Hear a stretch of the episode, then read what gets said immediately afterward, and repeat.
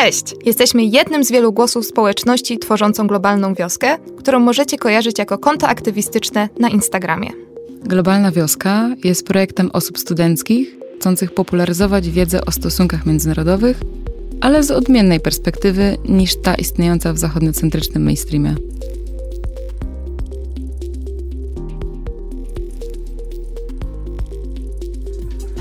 Strażnicy moralności, czyli jak irańska policja obyczajowa, stoi na straży cnoty bogobojnych mężczyzn na ulicach miast. 13 września w Teheranie zatrzymana zostaje młoda kobieta. Jej przewinieniem było niedostateczne zakrycie ciała, niedokładnie założony hijab. Tutaj warty podkreślenia staje się fakt, iż pod terminem hijabu nie kryją się konkretne części garderoby, a pewien konstrukt społeczny, odgórny zestaw zasad moralnych. Ma on reprezentować skromność, którą egzekwuje się za pomocą ubrań zakrywających kobiece ciała w taki sposób, aby kształty i krzywizny ciała pozostawały ukryte przed męskim spojrzeniem. Szczególnie ważne jest zakrycie przez kobiet swoich włosów, które w islamie naznaczone są szczególną sensualnością, aby nie prowadzić bogobojnych mężczyzn na pokuszenie. Od dnia tragicznej śmierci młodej Żiny Mahsy Amini świat w napięciu obserwuje wydarzenia mające miejsce w Iranie. Liczne protesty, dla których śmierć Amini była iskrą, zatrzymania i zaginięcia osób protestujących, utrudniony przepływ informacji przez zablokowane irańskie media. Okoliczności jej śmierci wciąż pozostają niezweryfikowane. Teherańska policja utrzymuje, iż to problemy zdrowotne kobiety przyczyniły się do nagłego ataku serca. Rodzina kobiety zgłosiła, że nie cierpiała ona na żadne poważne schorzenia, a jej śmierć jest wynikiem brutalnego traktowania ich córki przez funkcjonariuszy Policji Obywatelskiej po wcześniejszym zatrzymaniu. Dziś przyjrzymy się bliżej formacji, która jest odpowiedzialna za zatrzymanie młodej kobiety oraz najprawdopodobniej jej śmierci. W jakich okolicznościach do życia powołana została policja obyczajowa, czy też policja moralności i jaką rolę w społeczeństwie irańskim ma spełniać. Instytucja policji obyczajowej nie została ustanowiona jako bezpośrednia konsekwencja wydarzeń irańskiej rewolucji islamskiej z 1979 roku. Republika Islamska zajmuje miejsce monarchii konstytucyjnej, a Ayatollah Khomeini obiecuje, że hijab nie stanie się przymusem. Z czasem pojawia się coraz więcej obostrzeń wymierzonych w obywateli Iranu, a w szczególności dotyczących zachowania się, ubioru czy zajęć podejmowanych przez kobiety. Za niezastosowanie się do nowych zasad groziło nękanie i ataki wymierzone inicjatywą oddolną przez innych Irańczyków, przechodniów, sąsiadów. Tak więc strażnicy moralności zaczęli pojawiać się już w pierwszych tygodniach po wydarzeniach rewolucji islamskiej. W maju 1979 roku uformowany zostaje Korpus Strażników Rewolucji, którego zadaniem staje się ochrona rewolucji przed niszczycielskimi siłami chcącymi jej zagrozić.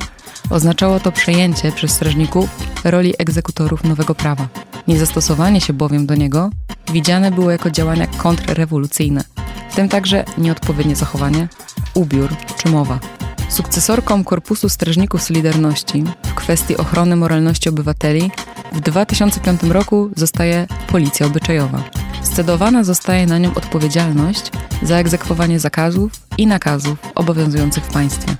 Policja Obyczajowa miała monitorować wszystkich obywateli i zwracać uwagę na nieskromne stroje mężczyzn i kobiet, męskie fryzury i skrywanie przez kobiet swoich włosów oraz pilnować interakcji damsko-męskich w sferze publicznej. W rzeczywistości, od początku swojej działalności, represje ze strony funkcjonariuszy wymierzone były głównie w kobiety i w sposób, w jaki są ubrane w miejscach publicznych. Zbyt duża ilość odsłoniętego ciała czy włosów mogłaby rozbudzić żądzę mężczyzn, którzy powinni pozostawać skupieni na swej wierze i życiu w skromności. Głównym obszarem działalności Policji Obywatelskiej jest patrolowanie ulic miast. Drużyny patrolujące składają się zazwyczaj z mieszanego oddziału damsko-męskiego. Obserwują uważnie tłumy w miejscach publicznych, wyszukując w nich nieodpowiednio ubranych kobiet. Dokonują wtedy zatrzymań, niekiedy używając siły, podczas umieszczania kobiet w furgonetkach i przewożąc je na posterunek, gdzie odbyć ma się przymusowy wykład moralizujący dotyczący prawidłowego sposobu ubierania się. Za niepoprawne noszenie hijabu kobietom grozi w świetle irańskiego prawa od 10 dni do 2 miesięcy więzienia oraz wysokie kary pieniężne. Sam hijab nie stanowi największego elementu opresji Iranek i należy pamiętać o tym, że jest to pewnego rodzaju skrót myślowy, często wykorzystywany przez zachodnie państwa, aby zobrazować uciśnienie kobiet. Owszem, w 1979 roku Khomeini zapewniał, iż nie zostanie wprowadzony obowiązek hijabu, a danego słowa nie dotrzymał. Dodatkowo wprowadzona zasada w krótkim czasie stała się nakazem, za którego złamanie czekały surowe kary. Jednak dla części religijnych kobiet stanowi on ważną część życia, zgodnego z przykazaniami islamu, świadczącego o skromności, którą każdy człowiek powinien się kierować. Jest to często ich własny wybór. Hijab nosiłyby, nawet gdyby nie był on obligatoryjny. Jednak wiele Iranek podkreśla, że kwestia ubioru i przymusu, aby zakrywać swoje ciała, stanowi jedynie kroplę w morzu restrykcji natury społeczno-prawno-politycznej.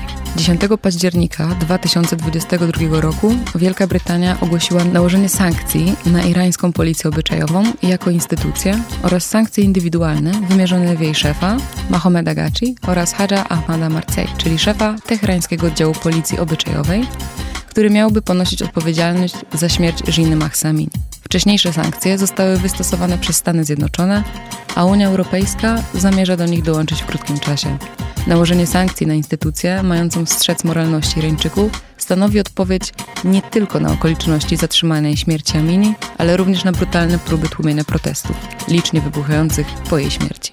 Są również ostrzeżeniem, że irańskie władze zostaną pociągnięte do odpowiedzialności za ciągłe represjonowanie mieszkańców państwa oraz za śmierć wszystkich osób, które giną podczas uczestnictwa w protestach.